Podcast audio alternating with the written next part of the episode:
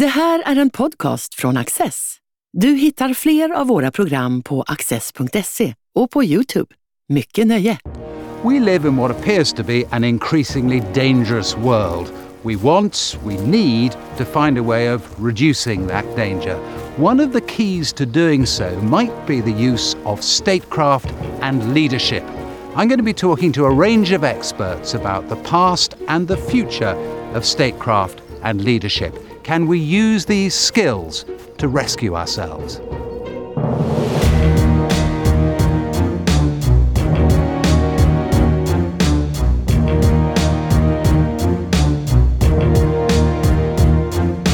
Kenneth Payne is a professor of strategy at King's College London. It's already clear that AI can help with military tactics, especially as these demand movement and accurate direction of firepower. But what happens in the longer term future as AI goes to war? Let's start with the simple stuff. Uh, where is AI being used at the moment on the battlefield? Tell us about that before we go on to the more complicated and longer term developments that are in the offing. I mean, it sounds like a simple question, but um, I'm an academic, so there's a there's a longer answer. But short answer is it's hard to know. Um, you're talking about something that's not tangible. It's not a new aircraft. It's code. Um, the, the very definition of what constitutes artificial intelligence is up for debate as well. So, is this this piece of code AI or is it just a statistics package? Um, some people who are more cynical about AI will say, well, it's just a souped up calculator doing statistics. So there's a definitional problem uh, as well into the mix. But broadly speaking, um, what I would count as artificial intelligence uh, in computer systems has been around for quite a long time, decades, almost going back to the origins of the electronic computer. You could, without too much training, even argue that it goes back before the electronic computer. Uh, and for all that history, there's been a long connection between AI and the military or national security. Uh, let me unpick that a little bit. Um, if you think what is an AI system, um, my definition, at least, is that it's a system that has the ability to interact with its environment uh, and to change its behavior according to what it encounters, and possibly even to learn from the environment.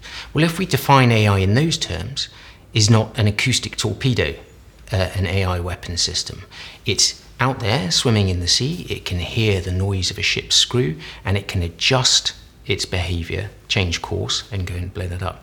To me, that ability to sense the environment and interact with it is what distinguishes an AI system from an automatic system, like a Gatling gun or something like that. You press the button and it fires. So, if we define AI, if you, if you buy into that, if we define AI in those terms, then it's been around for quite a while. Uh, and, and it's been used for a number of things. It's been used in the context that I've just spoken about there for moving stuff around the battlefield and directing fire. Um, but it's also been used for less tangible things, trying to make sense of what's going on on the battlefield, for example, in analysing data. Um, whether that's electronic information gathered from telephone communication or imagery um, filmed from a satellite, um, artificially intelligent weapon systems have been involved in those sorts of activities for decades.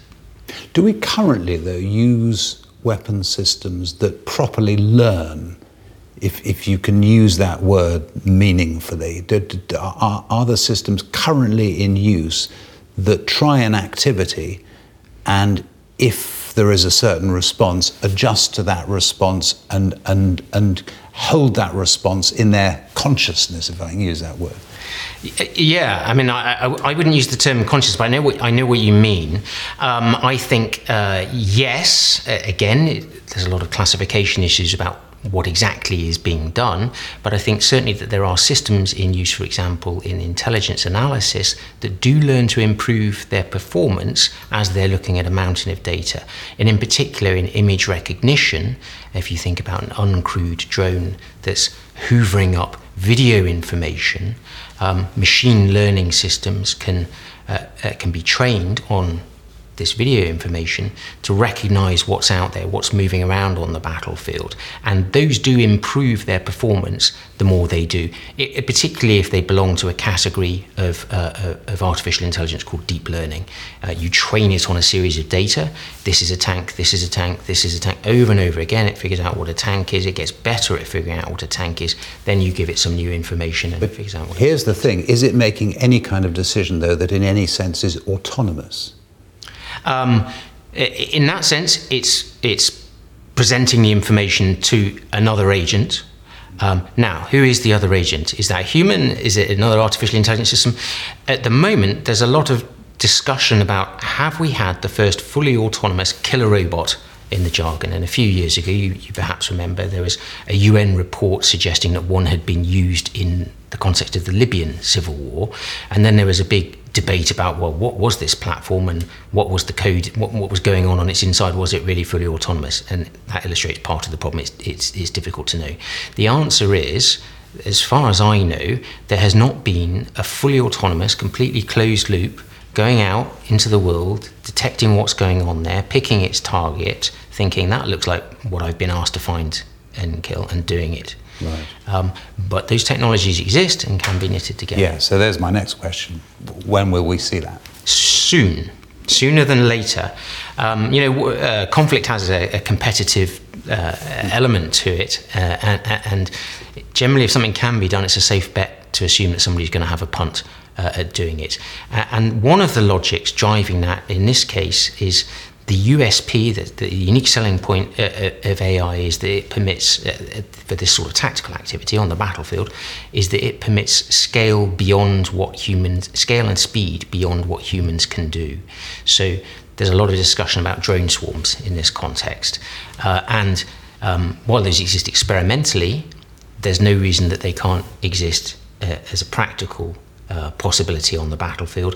And if they do, humans the advantage comes from the scale and the speed with which the thing moves. Humans can't hope to be deciding on an individual basis what each unit in that drone swarm does. That defeats the whole point. If you have a lawyer watching over each uh, uh, autonomous platform moving around, you're effectively neutering the swarm. The, the point of it is that it's deciding at speed that you can't you can't match. So so for a lot of armies, they look at that and they say, yes, I see the dangers to that. Yes, we want some to preserve some meaningful human control about it. But pilots are scarce. Drones can be scaled up. The other side are doing it, so why can't we? These pressures are all in play, and that's what's driving us towards this point at which the, the human operator is being push gently back. Are we? And I'm still talking just about the tactical side of it. We'll get to other uh, issues in a second. But are we thinking enough about the implications, the tactical implications, the battlefield implications of what we appear to be around the corner from? I, I, I, hope so. There's a lot of a lot of thinking going on. Not all of it publicly visible. Some of it going on in academia. A lot of it going on inside militaries um, themselves. There are, complex issues, hard to find settled answers, rapid pace of change, pushing against some long established norms. Militaries, I, I often think of it a conservative with a small c for a reason. Uh, you know, it's worked. Uh, and and uh, if it's worked before, it might work again. You don't necessarily want to throw the baby out with the bathwater. Um, so sometimes militaries are, re- are, resistant to technologically driven change, um, but there is serious thinking about the implications of this going on inside the militaries that I know. Anyway, one of the um, I, I, I, guess one of the, one of the cha- challenges of, of doing that is that so much of the debate is focused on I'm not saying it's wrong, but so much of the debate is focused on the ethical side mm. of battlefield um, systems. Um, compared to that, relatively little is focused on the organisational, cultural, doctrinal um, procurement, the way in which uh, societies construct their institutions to enact violence. Um, there's relatively less thinking going on on those implications than there is about the ethics of having autonomous. Why do you think that is?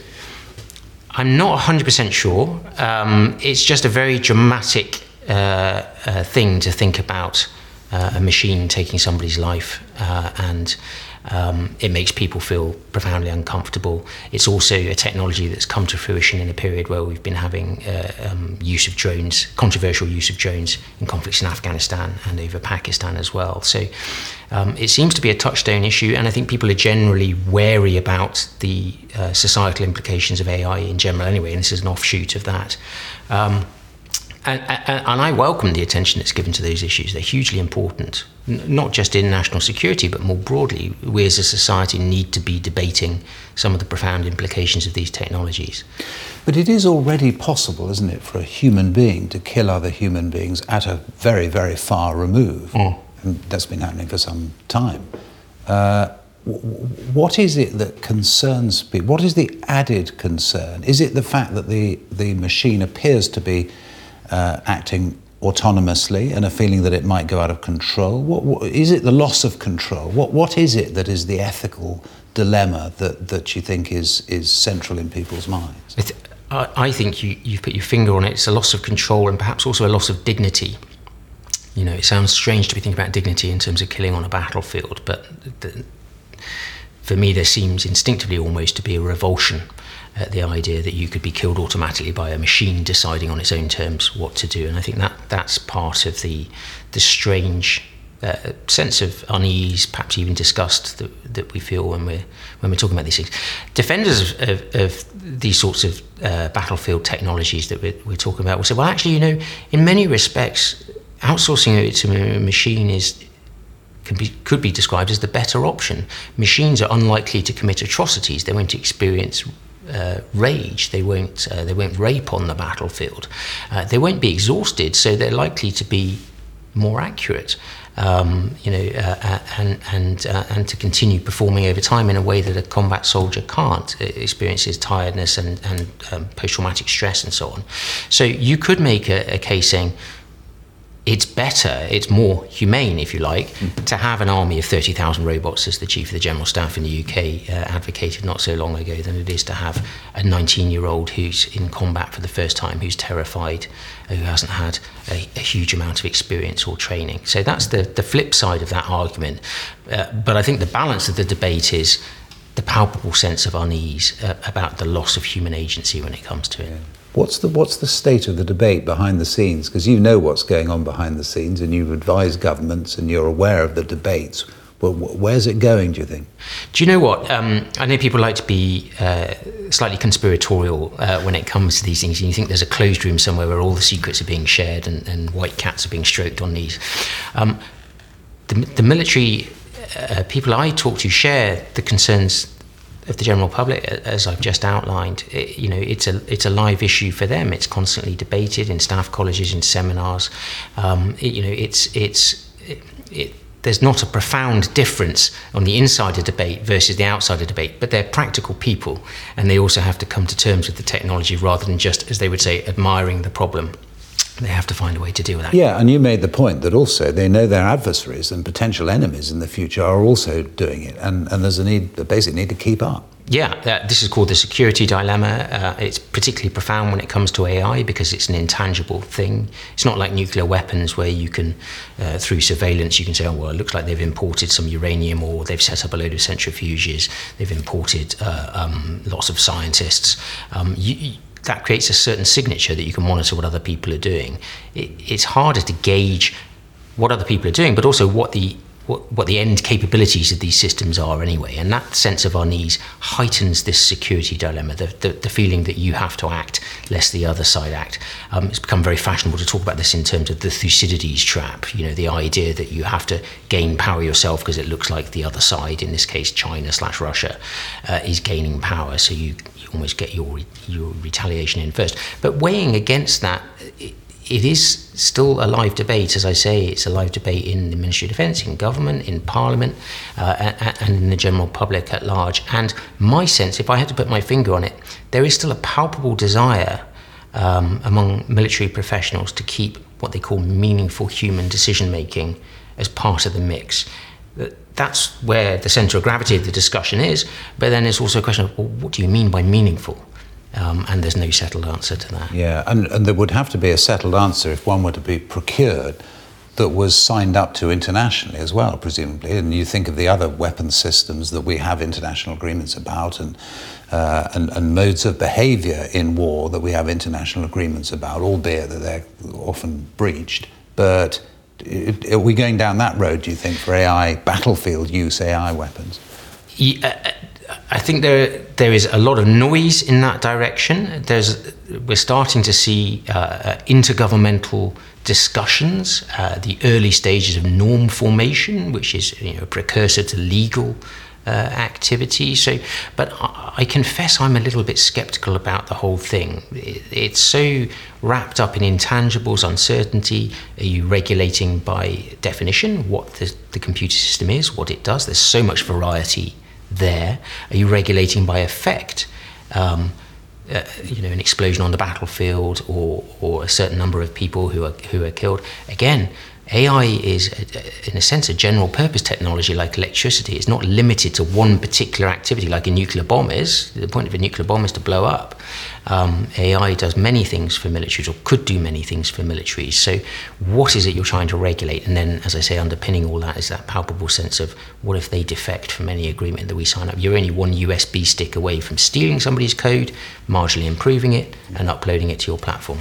You mentioned Russia slash China earlier on. When it comes to advantages and, and how those advantages might play out in the next five, ten years, do, does the West have an advantage? Uh, does China have an advantage? Well, Russia, one assumes, doesn't for, for multiple reasons. Yes, yeah. where, where are the centers of excellence in AI? And I'm talking still only about battlefield AI. Where is it likely to come from? Yeah, I, I got a slightly non-mainstream. I think non-mainstream answer here, which is that I think our biggest enemy is ourselves uh, and what we're doing with AI. I think we have a tendency to uh, demonize or to exaggerate the potential uh, of some adversaries, uh, and and I think uh, the expert community. Uh, was shocked by its overestimation of Russian military potential ahead of the invasion of Ukraine. and then you start seeing the insides of drones that are using Japanese SLR cameras that they've you know pinched out of traffic cameras here in Sweden, for example, and you think, wow, that's that's uh, you know false advertising. Um, so China is a very different case uh, from that, but I think China has some palpable problems when it comes to developing AI systems, military, including military AI systems that are qualitatively as good as in the West. And interestingly, um, some of the uh, discussions that happen um, in public fora in China reflect that as well. The discussions they're having are talking about their, their struggles to develop the right quality of chips, uh, computer chips on which to run these systems. They're talking about problems that they have in terms of developing and educating um, innovative computer scientists. Uh, and then on top of that, they, uh, these discussions are more controversial to have.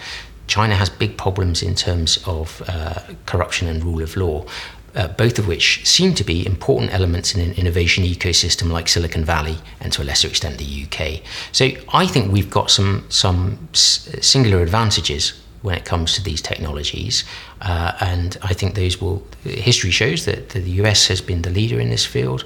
Uh, I don't see any any danger of that changing, and in, in a sense, I'm slightly pushing against whether the consensus opinion is about China and the risk it poses uh, in, into the near future there.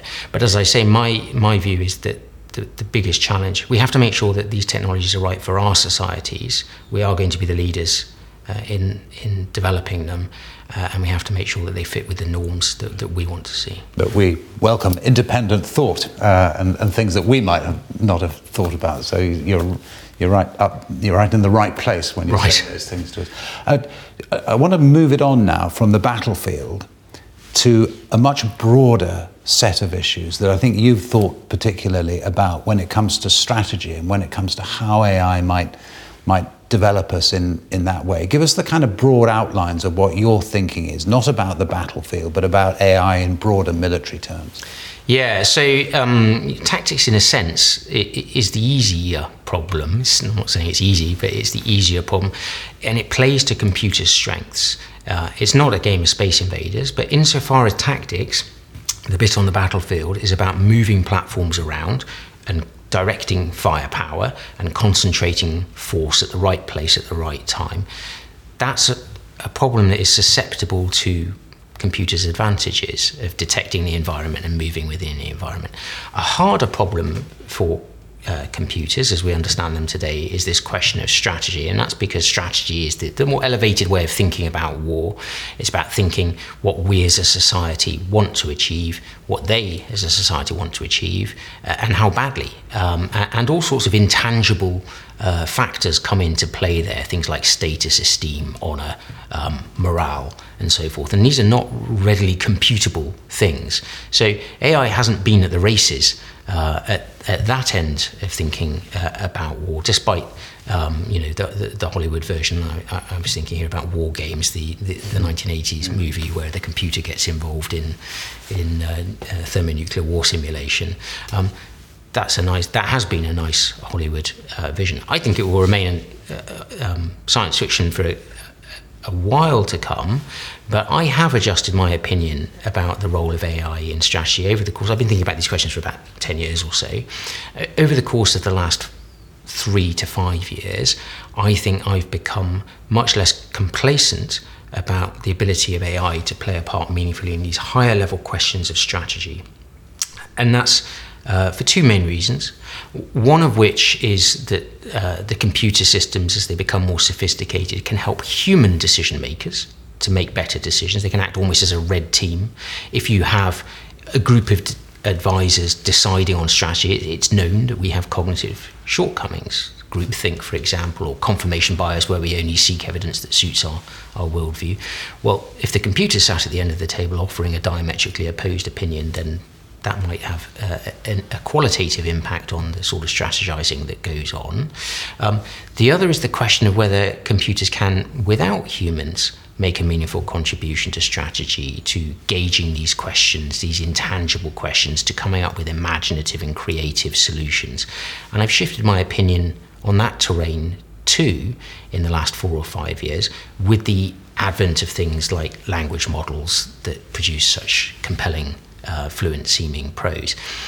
Uh, and the reason I think, in the case of language models, um, more broadly than that, in terms of creativity and imagination, the reason I think computers have got better at, at, at this sort of thing um, is because for me, it's about, in a nutshell, it's about mind reading, about gauging what's in your mind and what's in the adversary's mind.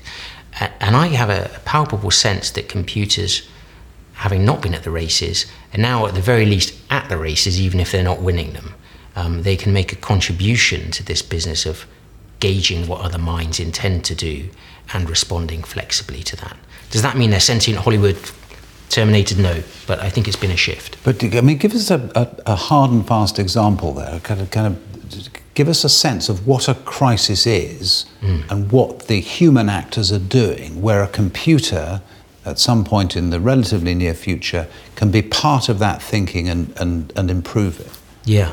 Well, the, the first example I'll give you comes from a, a war game uh, conducted in America a year and a half uh, or so ago, two years ago. It didn't involve an actual computer, it's just human participants on either side of the conflict. But they were asked to imagine that the other side had a computer and, and that they had one too, that was part of this uh, decision making mix. It was it was deciding with humans on what level of force needed to be brought to bear on the problem in hand. The problem was you didn't know what the enemy's computer system was doing. In this case, it was China versus the US. It's set in the near future.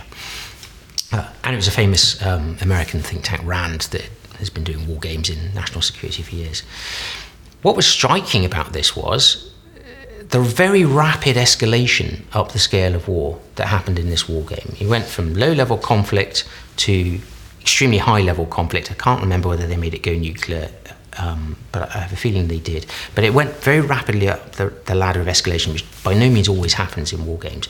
And the reason was simply this fear of how much automation the other side had permitted, mm. uh, and we'd better automate our side. Well, they're probably thinking like that as well. So you get this what are they thinking? They're thinking that I'm thinking that I'm thinking that you're thinking. And this is the mind reading dynamic in play. So, no actual computer involved in that simulation, but what it shows is if you put a computer in that simulation, at least from the human's perspective, there's a qualitative difference in terms of the escalation dynamics that are involved in that conflict. So that, that's one example. I give you another example. It's, it's a board game example, sometimes almost disparagingly described as a toy universe because it strips away board games are good and computer games are good test beds for AI, but they do strip away a lot of the messiness of reality. But this board game, Diplomacy, is fascinating because uh, it has a, a, high degree of that messy, complex reality for a board game. It's a conquer the world Napoleon type thing. Um, you know, there are six or seven countries, it's a multiplayer game, and you set out to conquer Europe, taking turns and rolling the dice and so on. But what's interesting about it is, in addition to this rolling the dice, it actually formalizes the interaction among the players. So you have to scheme and uh, communicate with, a, you know, I'll, I'll, invade France if you hold back, sort of thing. Um, and that's not something that computers have been very good at. That they haven't been able to communicate meaningfully with human players in a way that deceives them. Of course, the famous Turing test um, can a computer fool you that it's human? Well, yes, assuredly, the Turing test has been passed comprehensively, and this uh, computer program called Cicero from Mark Zuckerberg's Facebook is a uh, compelling illustration of that. It plays to very good human level in online diplomacy tournaments where the other very good human players don't know they're strategizing against a machine. Uh, and so this is, I think, a compelling example of um, the potential for AI, in this case language models, to be part of the strategy mix. If, if you see strategy as I do as a dance of minds, as a, a, you know, involving communication, then computers are in that game. Mm. In a way, could you not find that, could one not find that almost more frightening than the battlefield stuff? where at least there's some sort of element of control. You find a way of stopping the thing going any further. What you're talking about is, is a potential escalation created by machines who are not out of control, but they're in control of themselves and not easy to control in those situations, particularly when human beings don't know whether the machines are being used or not. Yeah, I, I, so I don't.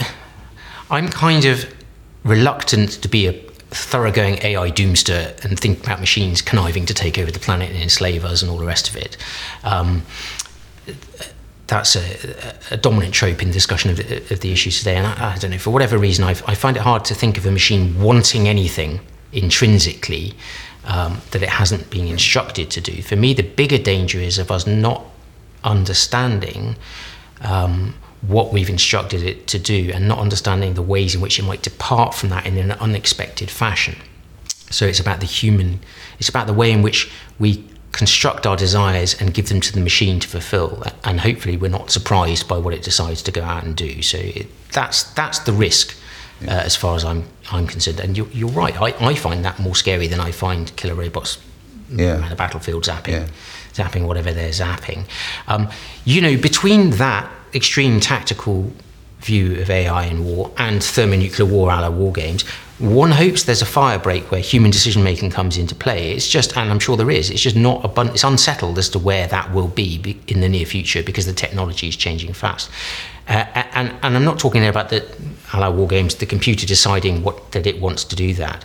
It, perhaps it's even less tangible. Perhaps you know it's the human decision makers not fully appreciating the extent to which their reality, the milieu in which they're operating, is machine generated. If we're in an era where so much of our content is artificially created, then we are the fish swimming in that sea. Uh, our decision making is itself constructed and constrained by the product of these language models. Kenneth Payne, thank you.